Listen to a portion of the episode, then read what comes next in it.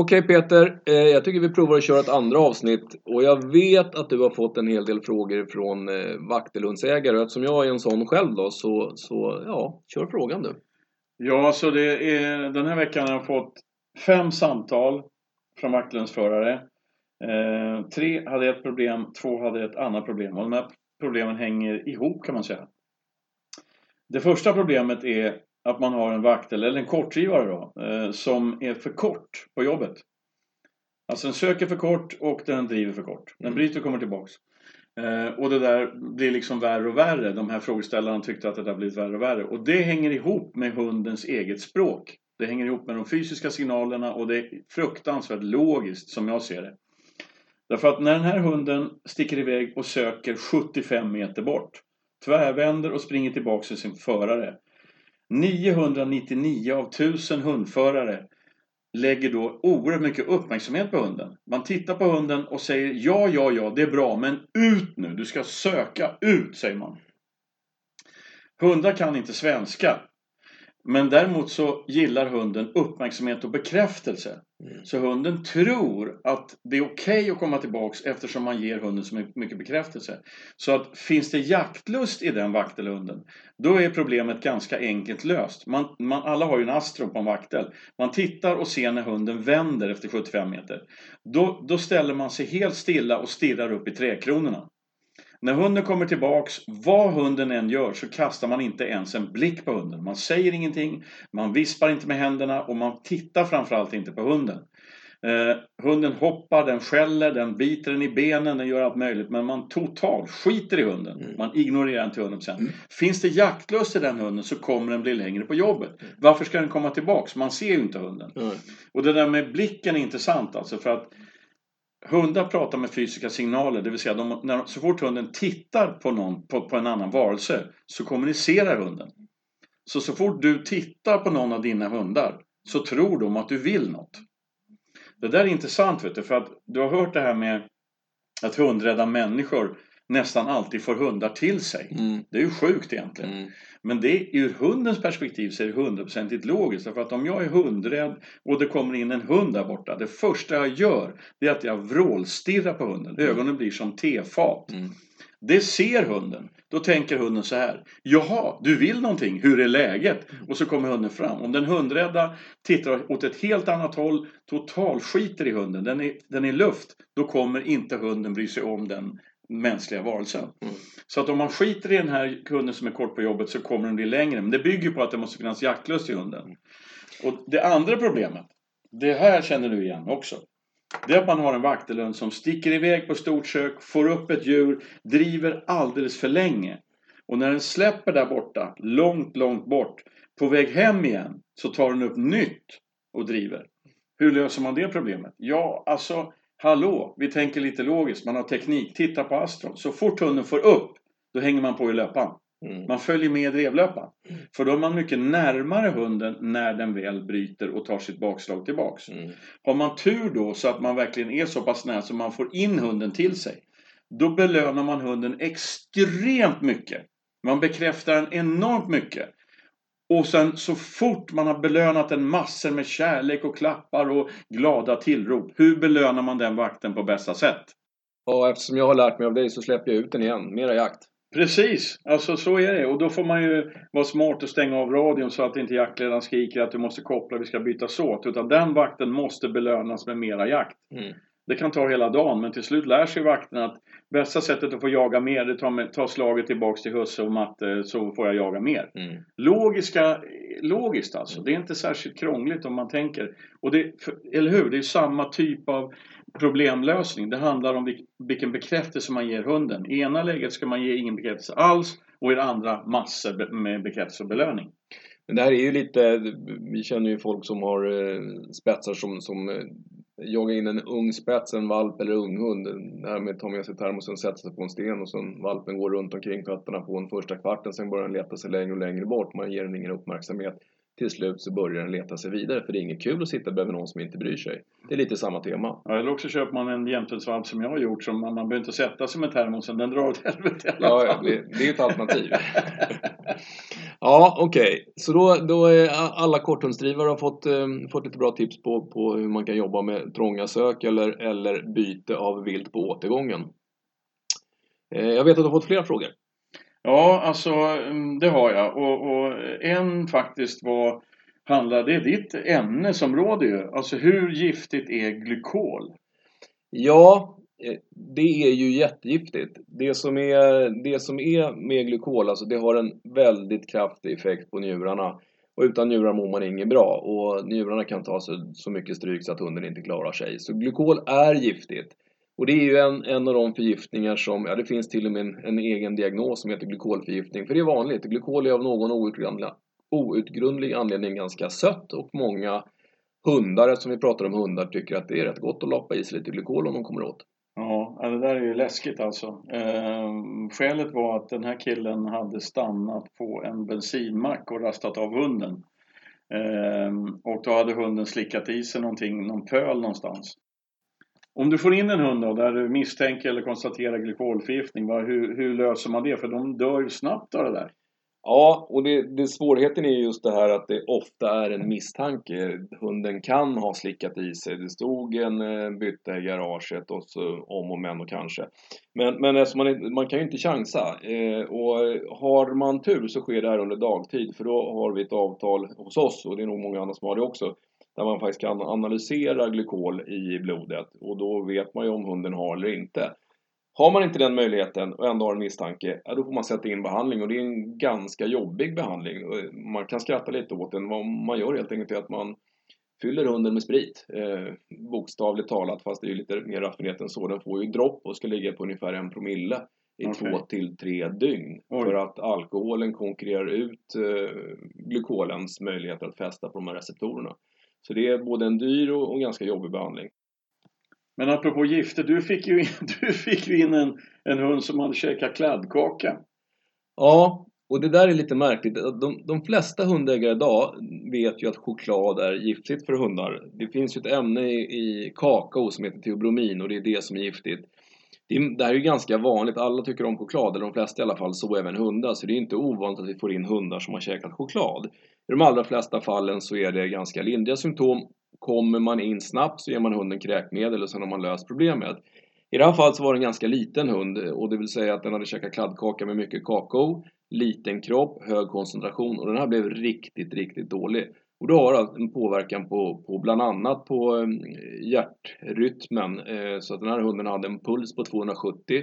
Den var helt okontaktbar och den eh, var 270? Vad, hur mycket, vad ska hundars puls ligga på? Ja, en vältränad hund, våra jakthundar under säsong kanske ligger på 60 men, men det här var en relativt ung hund så någonstans mellan 80 90 är väl ganska normalt. Och 270 innebär ju en enorm belastning för kroppen.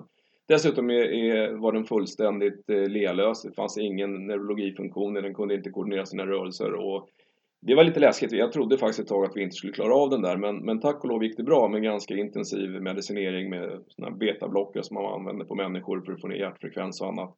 Så det löste sig. Men, men, eh, och det som var tråkigt, och det är väl kanske det som är budskapet i, i just det här inlägget, att om man misstänker eller vet att hunden äter ätit choklad i de allra flesta fall så går det bra. Mjölkchoklad innehåller lite, lite kakao eh, och, därmed lite, lite, och därmed lite, lite teobromin. Men mörk choklad, kakao, åk in och kräk hunden. Då har du löst problemet väldigt enkelt istället för att riskera det här. Ehm, ja, om vi är tillbaka till frågor. frågor. Det här, du, du började med vacklarna eller kortdrivarna och det var en annan sak som du och jag diskuterade innan. Jag vet att du hade fått en fråga om en Laika som hade ett litet annat bekymmer. Ja, alltså en, en eh, Laika, en hanhund, tre år gammal som, som, var, som, som är stressad. Som verkar stressad mest hela tiden alltså. Eh, det går liksom inte över. Och, och den, den är cool i skogen alltså, jag gillar att jaga och sådär och jagar ganska bra. Men den får inte älgarna att stå. Alltså det, den, den är stressad, den börjar skälla för mycket, du är 200 meter från älgen alltså typ. Mm. Um, och det där är ju inte alls bra för en ståndhund. Dessutom så har den visat lite överdriven ilska mot andra hundar, och framförallt hanhundar. Då. Uh, och det där är tre år gammal. Okej, okay, det kan vara omognad och det kan vara med allt möjligt men det här var en telefonfråga jag fick så att eh, egentligen vill jag inte svara för tydligt när jag själv inte har träffat hunden alltså. Men, men generellt, vad, vad tror du som är veterinär om att jag tror nämligen att det kan vara alltså hormonpåslagen, alltså att, att det, det, är lite för mycket testosteron i den där hunden. Eh, det här med ilska mot andra hanhundar, den är stressad i skogen, den kan inte lugna ner sig. Alltså. Vad tror du om att kolla om jag har rätt att kemiskt, kemiskt kastrera den hanhunden för att se om, om det är ett hormonproblem eller inte? Vad, vad tycker du om kemisk kastrering? Eh, jag tror nog, nummer ett så tror jag att du kan ha rätt eh, och eh, i, i, diagnosen. Nummer två tycker jag nog att det definitivt kan vara värt ett försök. Och, och för de som inte vet det då så kemisk kastrering innebär ju att man lägger in ett litet chip, ungefär som ett sånt här ID-chip under nackskinnet på hunden. Som har effekt lite grann beroende på hundens storlek och vilken typ av chip, men någonstans mellan 6 och 12 månader som helt enkelt bromsar i hanhundarnas fall testosteronproduktionen. Så du får i stort sett samma effekt som att du skulle kirurgiskt eh, kastrera den, det vill säga ta bort testiklarna. Och, och, fördelen med kemisk kastrering är ju att den är reversibel, det vill säga att när chippets funktion ebbar ut efter en 6-12 månader så har man en hund som eh, funkar som en normal hund igen. Den kan, den kan para sig om man nu ska använda den i avel och eh, tycker man inte att det hade någon effekt så, så har man en hund som fortfarande har testosteronet kvar. Mm. Dock så skulle jag vilja säga det att, att, eh, för att i det här fallet så pratar vi om en hund som är stressad. För det är en väldigt, väldigt vanlig fråga och en väldigt vanlig oro hos många jägare att man ska inte kastrera sina hundar därför att då tappar de jaktlusten. Det eh, förnekar jag bestämt. Eh, jaktlusten som du var inne på med ditt resonemang, den sitter i hundens hjärna. Eh, har du lust att jaga så, så styrs inte det av testosteronet. Däremot kan hundens agerande, att den är lite för på, lite för aggressiv, lite för het. Det kan vara testosteronstyrt. Men jaktlusten kommer inte påverkas. Min erfarenhet är ju att, att eh, när hanhundar när, alltså, när skärpan kommer, alltså förmågan att bli förbannad.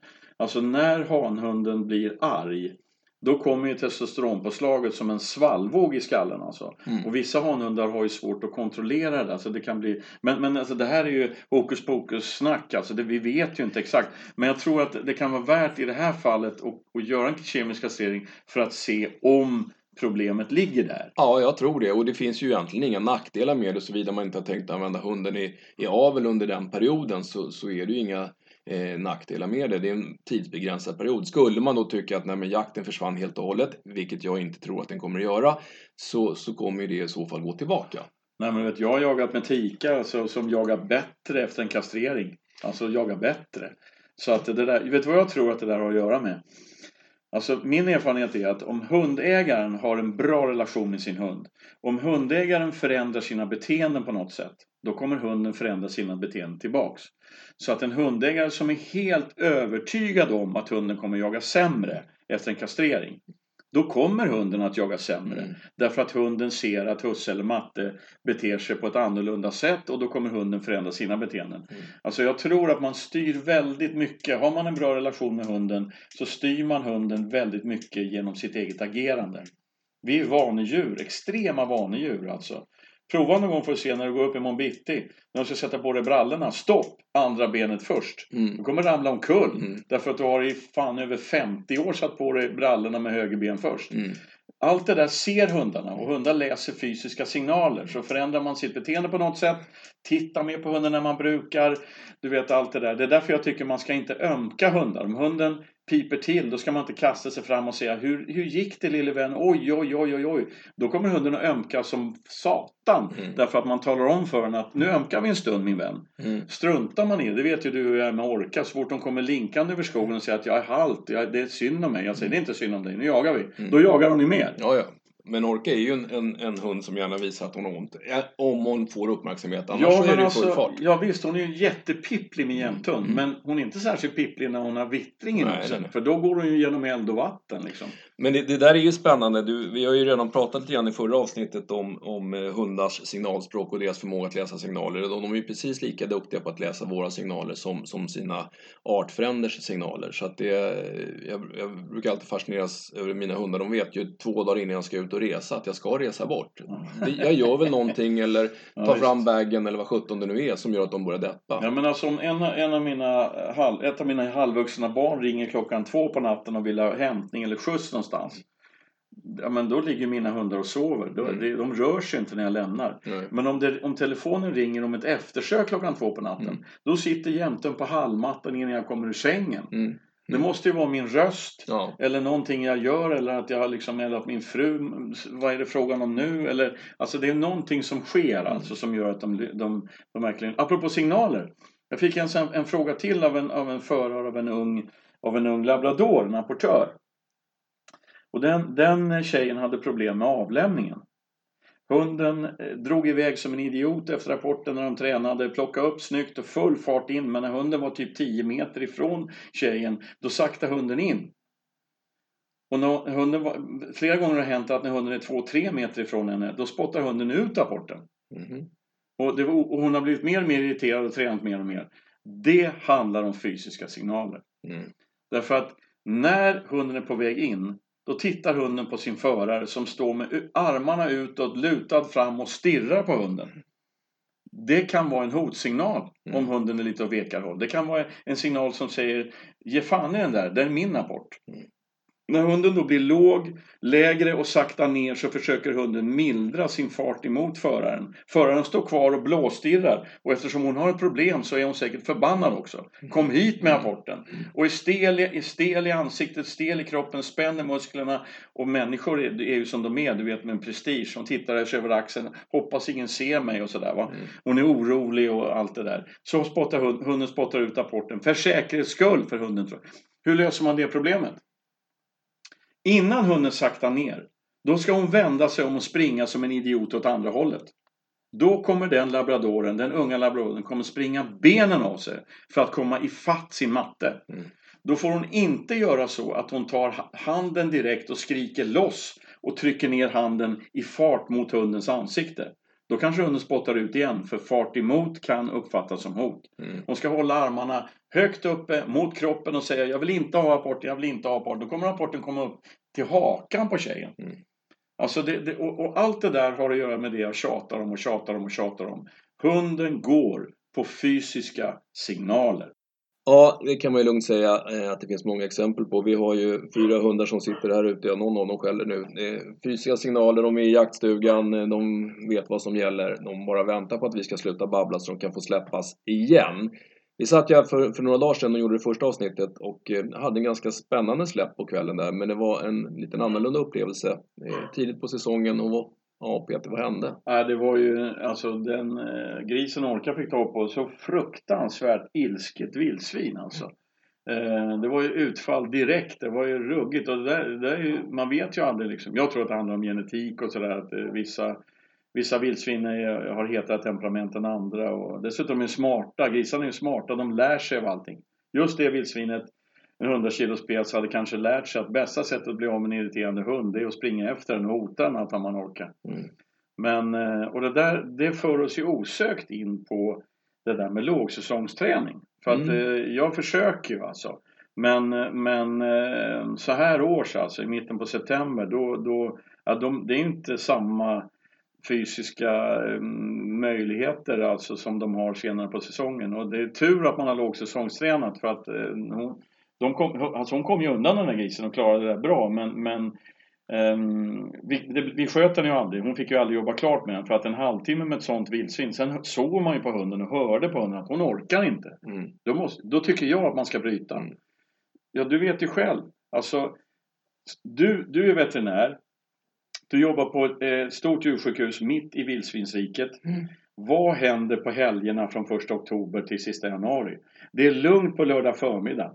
Problemen börjar byggas upp. Ni får in sprättade hundar på lördag eftermiddag och ännu värre på söndag eftermiddag. Mm. Därför att hundarna är trötta på eftermiddagarna. Mm. Då ökar skaderisken, eller hur? Ja, och dessutom, eh, du, du vet ju att jag har fört lite statistik på det här. Jag ser ju en ganska tydlig koppling också nu tjatar vi mycket om det här med försäsongsträning men, men man ser ju en ganska tydlig koppling att vi har ju en högre frekvens av vildsvinsskador tidigt på säsongen om man jämför med, med ja, december, januari. Visst, det finns flera orsaker. Det är mer löv på träden, det är svårare terräng att jobba i och så vidare. Men, men jag tror ju att en hel del av de här vildsvinsskadorna skulle kunna undvikas om man hade en hund som var bättre tränad. Därför att det är ju konditionsträning som har varit lite fokus för oss jägare. Man, man eh, cykeltränar och man kanske löptränar och man simtränar, vilket är alldeles utmärkt träning. Men, men våra hundar som jagar vildsvin är ju inte alltid, eh, där är ju inte alltid konditionen som är liksom prio ett. Va? Därför att det är de står och frontar en stor gris som i Orkas fall. Eh, nu har ju Orka rutin så att hon, hon eh, vet ju hur det funkar men, men när utfallet kommer då hjälper det inte om man har en otroligt vältränad kropp i form av kondition. Du ska hinna undan. Det är blixtsnabba utfall. 80% av alla skador som, som vi syr ihop på vildsvinshundar, de sitter ifrån midjan och bakåt. Hunden kastar åt sidan, försöker hinna undan, men de hinner inte riktigt. Och där är ju försäsongsträning variationen av försäsongsträning, att man inte bara tränar kondition utan man tränar muskelstyrka och därmed hundens förmåga att hinna, hinna undan när utfallet kommer. Explosiva, ren styrketräning helt enkelt. Ja, och, och, där har jag ju snott lite av dina idéer som jag tror att du i din tur har snott ifrån draghundsfolket. Du kan väl berätta hur du kör? Ja, alltså det, det är ju det är dragträning. Jag har ju en dragsele, en lina och en uh, kätting. Grovlänkad kätting som, som jag kör intervallträningar med. Alltså mm, obanad terräng och över krondiken uppför backar och stenskrabbel och grejer så att, de, så att det blir intervallträning. Och jag tror alltså, det, där, det är ju ditt område, men jag tror att gör man, har man den typen av styrketräning med hunden så vinner man också kondition. Mm. Alltså syresättningsförmågan ja, ja. får du på köpet. Ja, alltså. Jag tror att hundars kroppar funkar ungefär som människors. Alltså. Intervallträning är bästa sättet att träna. Ja, definitivt. Och, och om man ska konkretisera det där då, eftersom du lärde mig det där en gång i tiden. Det här med kättingträning. Första gången jag satte på en dragsele på mina hundar och hängde en kätting efter, de såg ju väldigt konfunderande ut. Men de lär sig ju snabbt och de kommer undan i nästan så att man tycker att det verkar vara lite roligt för dem efter ett tag. Men det som är viktigt är att du börjar på en ganska, man köper kätting i olika längder kanske 5% av hundens vikt från början och korta promenader och sen bygger man på i takt med att de tränas upp. Och någonstans 20, kanske max 25% av hundens kroppsvikt när den är vältränad och att man börjar på slätmark och sen börjar gå i kuperad terräng. Gör man det här och man kan roa sig med att mäta omkretsen på hundens baklår med, med ett måttband första dagen och när man har gjort det här ett tag, man kommer se skillnad. Och det är klart att den skillnaden visar sig också i skogen. Mm.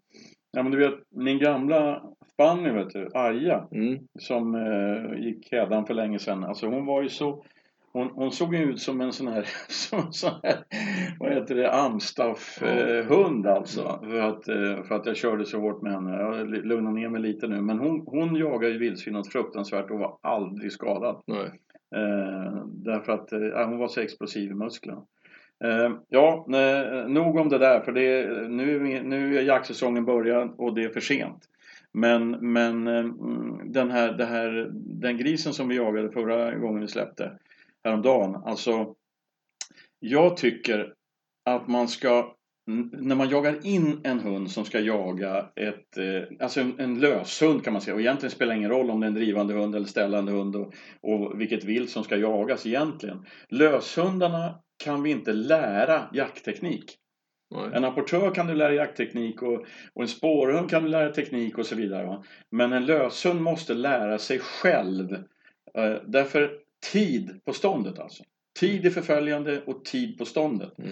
Jag, jag, ser så himla många som har så bråttom med en ung hund att så fort som möjligt ge sig in i tätningarna, en ståndhund alltså, älg eller vildsvin eller björn, så fort som möjligt skjuta. Mm.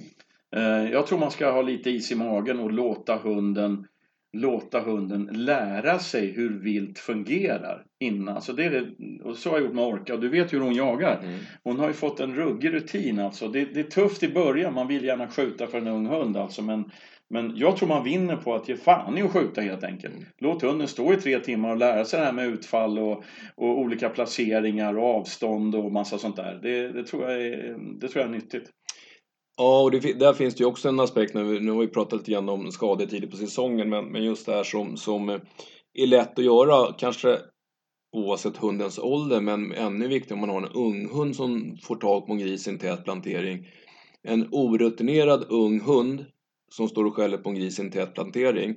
Om du har en husse som raskt stormar in på ståndet. Eh, den här hunden har inte riktigt järnkoll, den vet inte. Den får ju en massa råg i ryggen när den får stöttning av sin husse och kanske agerar på ett sätt som den inte riktigt är, är erfaren nog att klara av. Den får ju stöttning av husse. Eh, och, och det, det, är inget bra, då är det lätt att det händer, händer grejer. Dessutom om man vill skjuta grisen så vet jag, det är också eh, någonting som du har lärt mig praktisera, det finns ju ett smartare sätt än att gå in rakt in under den täta granen. Det heter inkallning. Ja. Eh, där har man skjutit mycket grisar på att man har inkallning på ståndhundarna för att eh, min erfarenhet är att är det vuxna vildsvin alltså i alla fall så, så är det så att vuxna vildsvin vill ha kontroll.